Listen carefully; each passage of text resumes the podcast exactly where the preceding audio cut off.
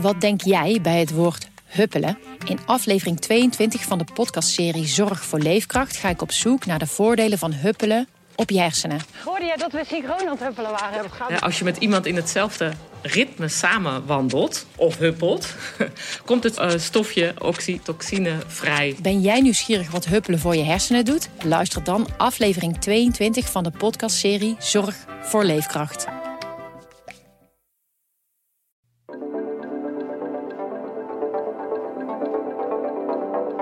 Dat is, eh, zijn, eh, zijn, zijn drie dingen, zeg maar, de waardebepalende factoren. Dat zijn locatie, locatie en locatie. En dan denk je, ja, hoe, hoe, hoeveel, hoeveel ja. beroerderen kun je het hebben? Ja.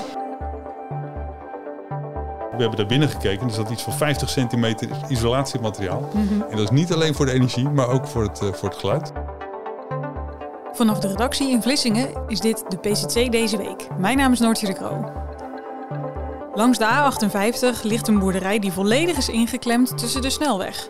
Wie gaat daar nou wonen? En heb je dan een jaar later spijt? Of juist niet? Arie Westeneng bezocht deze bijzondere plek en vertelt erover. Ik was al een tijd nieuwsgierig naar de boerderij die pal aan de A58 ligt bij de Stellenplas. Bij Henkensand, toch? Bij Henkensand, klopt. Daar zag je op een gegeven moment beweging. Eindelijk uh, gebeurde er wat met die boerderij. Er was eindelijk beweging, want er stond, dus die boerderij stond al heel lang te koop. De, even kijken, de, de boerderij uh, bij de Stellenplas die heeft een hele tijd uh, te koop gestaan, dat klopt. Mm -hmm. In december 2020 toen zijn de biedingen geweest, mochten mensen een bod uitbrengen. En een van, die, een van die mensen die een bod heeft uitgebracht was de familie Braam. En zij waren helemaal verliefd op die plek. En je kan het je eigenlijk nauwelijks voorstellen, want het ligt natuurlijk pal aan de snelweg, aan de A58. Ja. Maar zij zagen daar hun droom, een plek, hun droomhuis. Want dat is precies wat iedereen die daar langs rijdt volgens mij denkt. Wie gaat daar nou wonen? Want uh -huh. je zit precies tussen de... Hè, aan de ene kant heb je de A58 liggen, maar er zit volgens mij een oprit en een afrit. Ja. Aan, aan alle kanten zit er snelweg omheen. Ja, de afslag Toch? Stellenplas, zeg maar, aan alle kanten is, uh, verkeer, zit verkeer om je heen. En als je denkt aan een oud makelaarscliché, hè, de waardebepalende factor voor je huis. Dat is, zijn, zijn, zijn drie dingen, zeg maar, de waardebepalende factoren. Dat zijn locatie, locatie en locatie. En dan denk je, ja, hoe, hoe, hoeveel, hoeveel ja. beroerderen kun je het hebben? Ja. Uh, maar wat mij trof toen ik daar was en toen ik die familie sprak, die een jaar geleden uh, uh, ook de, in die, op de boerderij zijn gaan wonen, zeg maar, was het, was het de positiviteit en het, het optimisme van, uh, van de mensen. Ja, van hoe mooi ze het daar hadden. Want zij hebben dus in eerste instantie deden ze een bod. Toen werden ze het niet. En dat, toen hebben ze uiteindelijk hebben ze toch het huis kunnen kopen. Hè? Ja, dat klopt. Erik Braam uh, die vertelde dat het, het was echt in, in uh, coronatijd, zeg maar. En heel veel mensen wilden wel graag buiten wonen, wilden meer ruimte. In die tijd was het. En de, de huizenmarkt was natuurlijk nog helemaal op een piek. Dus uh, nou, er werd enorm geboden. En ze kwamen er net niet tussen. En een andere koper zou ermee vandoor zijn gegaan. Dat hoorden ze in uh, rond december 2020. Maar het liet, uh, uh, maar, sorry, Annemieke Braam liet het niet los. Zij bleef maar dromen over dat huis. En ze hield af en toe contact met de makelaar. Want ze zag dat het steeds op de site als verkocht onder voorbehoud bleef staan. Mm -hmm. Ik dacht, hmm, ik, ik, informeer wat er, wat er speelt. En op een gegeven moment, bijna een jaar later, in november 2021, toen belde de makelaar van, goh, hebben jullie nog interesse?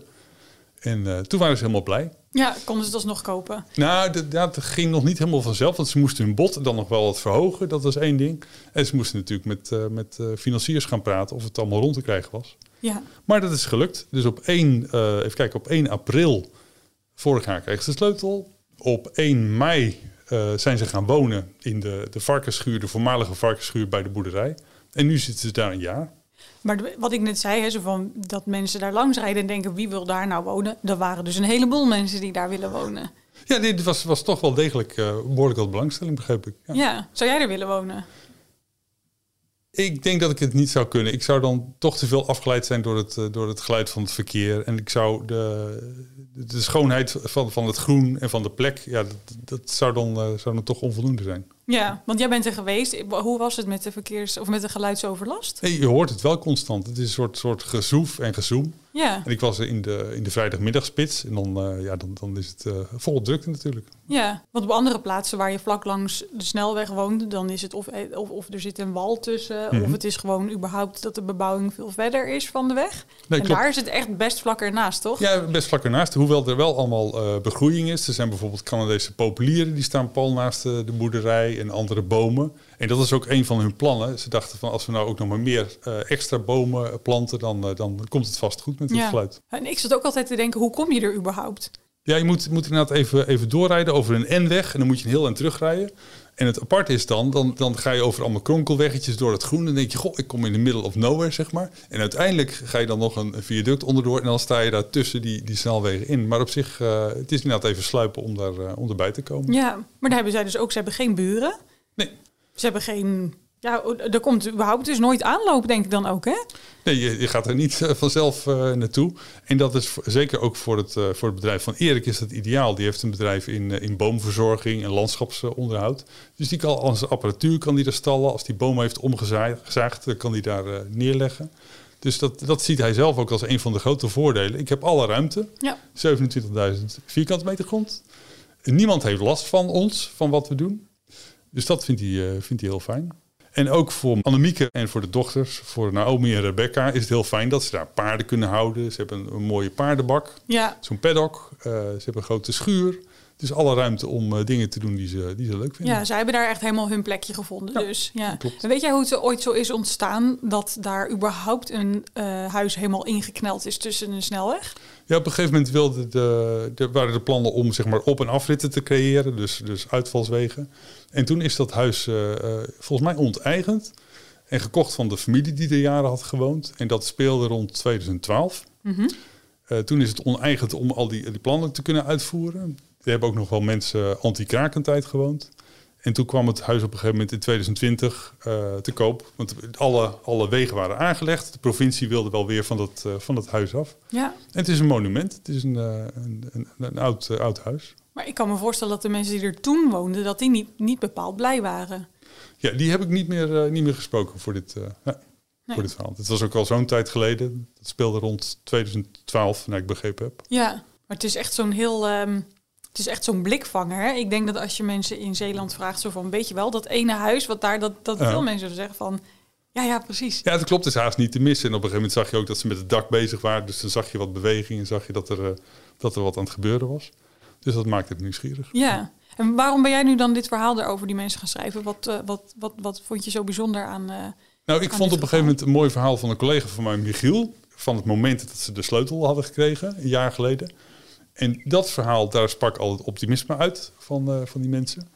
En ze zeiden, ach, dat geluid, dat met wat, met bomen om ons huis heen, dat komt allemaal wel goed. En we gaan het hier heel fijn hebben. En ik was heel nieuwsgierig, hoe is het dan een jaar later? Hoe, hoe is het dan als je er daadwerkelijk woont met ja, je gezin? Met zijn twee, ze al horendol? Uh, ja, nee, precies. Zijn ze horendol of, of zijn ze nog steeds zo blij en verliefd uh, op die plek? Ja, nou, als ik jou zo begrijp, dan, dan, dan is het het laatste. Ja, Nee, dat was, uh, nee, het was ook leuk om te zien. En het was ook, uh, ook bijzonder. Ze hadden uh, hun dochters ook gevraagd van... Hey, vinden jullie leuk om op de foto te gaan? Willen jullie er wat vertellen? En die stonden ook helemaal open voor, om erover te vertellen. En, en de, nou, dat, daar klonk ook een en al vrolijkheid van... we kunnen hier lekker spelen. We hebben alle ruimte en de paarden en de knuffelen en gezellig. Ja. En beestjes. Dus, ja. Dus zij hebben geen last van... De weg is niet gevaarlijk, hè? Ze kunnen daar niet op, die paarden. En, nee, nee, nee, nee, nee. Dus om dit, volgens mij dat hele stuk is omheind. Er staat ook een groot hek voor, zeg maar. Dus uh, nee, dat gaat, uh, dat gaat goed. Ja, dus zij zouden iedereen aanraden. Zo lekker wonen langs de 58.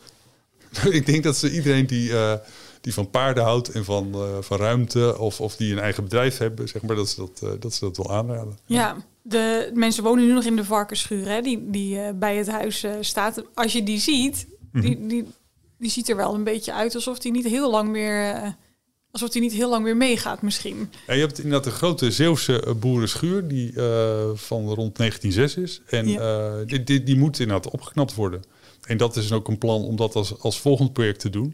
Ze hebben, de familie Braam heeft eerst het, uh, is eerst bezig met, het, met de boerderij, met het huis, ook een monument. Die wordt helemaal opgeknapt. En een volgend project is inderdaad die schuur helemaal op te knappen. Ja, er is nog best wel hele verantwoordelijkheid dan als het, hè, zoals je net zei, in, als het een monumentale status heeft. Mm -hmm. om, om dat dan uh, op een goede manier te doen. Ja, zeker. En het is ook zo'n zo'n gepotdekselde zwarte schuur, zeg maar. Dus echt, echt een hele mooie schuur, in potentie. Maar je moet er wel ontzettend veel aan doen.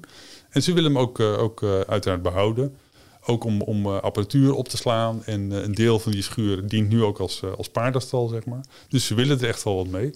Maar nu eerst is het plan het huis af. En ze hopen dat de aannemer in juli klaar is.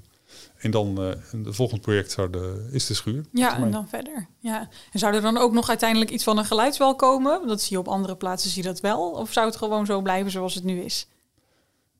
Volgens mij gaan ze ervan uit, gaat de familie ervan uit dat dat zo blijft zoals het is. En ze dachten zelf meer aan het, planten van bomen bijvoorbeeld, nog wat extra om het huis heen. En uh, ik heb ze niet gehoord over een, een geluidswal als volgende stap. Wat ze wel hebben moeten doen, is bijvoorbeeld hun woonhuis heel heftig isoleren. Dat, ik, ik, we hebben daar binnen gekeken. Er zat iets van 50 centimeter isolatiemateriaal. Mhm. En dat is niet alleen voor de energie, maar ook voor het, uh, voor het geluid. Ja. Die uh, door het hele huis aangelegd moest worden. Ja. ja. dus als zij binnen zitten, hebben ze geen last van de A58. Als het huis helemaal, als het huis helemaal af is en alle deuren erin zitten, dan, uh, dan, dan zullen ze binnen geen last hebben. en het raam dicht, ja. in je verhaal stond ook dat de mensen binnenkort een bijzonder jubileum hebben. Ja, ze zijn in augustus tien jaar getrouwd. En ze hopen dat de aannemer in juli klaar is met hun, uh, hun huis. En dan uh, kan ik me zo voorstellen dat ze dat tienjarig jubileum lekker gaan vieren in hun, hun boerderij die dan helemaal opgeknapt is. In augustus. In augustus. Dus iedereen die in augustus langs rijdt, hard tuteren. nee, ja, juist niet. Nee. Dit was de PZC deze week. Je hoorde Arie Westeneng. Mijn naam is Noortje de Kroo. Volgende week zijn we er weer met een nieuwe aflevering. Tot dan! Vond je dit een interessante podcast? Abonneer je dan zodat je geen aflevering meer mist. En laat een review voor ons achter. Gerda Wilhelmina Bom. 1 jaar. Jacobus Malheer van de Bos. 56 jaar. Wist je dat er na de watersnoodramp van 1953 nog altijd 105 vermisten zijn? Ja, kijk. Zeven maanden. Voor nabestaanden is het als een wond die nooit helemaal geneest. Hij vond dat wel erg. Hij was twee zussen kwijt. Waar, waar zijn ze? Jan van den Hamer verloor twee tantes en hun lichamen werden nooit gevonden. Nooit niet over gesproken. Nooit. Dus als een groot onderzoek kans op antwoorden biedt, twijfelt Jan geen seconde. Mijn vader en moeder hebben er ook niks meer aan, maar die zou het ook dolgraag geweten hebben. Hey, wie, wie of wat, dat weet ik pertinent zeker.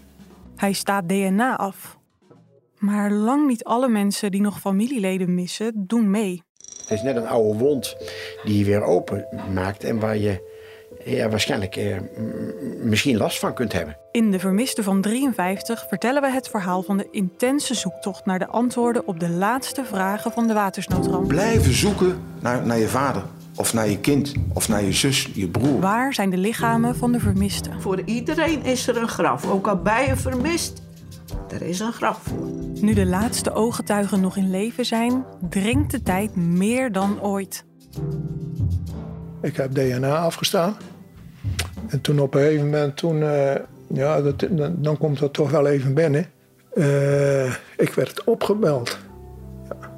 We hebben een, een match.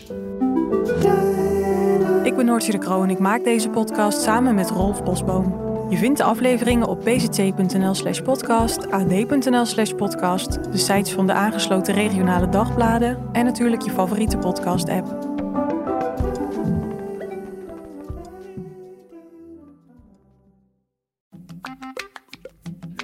Wat denk jij bij het woord huppelen? In aflevering 22 van de podcastserie Zorg voor Leefkracht ga ik op zoek naar de voordelen van huppelen op je hersenen. Hoorde jij dat we synchroon aan het huppelen waren? Ja, als je met iemand in hetzelfde ritme samen wandelt of huppelt, komt het uh, stofje oxytocine vrij. Ben jij nieuwsgierig wat huppelen voor je hersenen doet? Luister dan aflevering 22 van de podcastserie Zorg voor Leefkracht.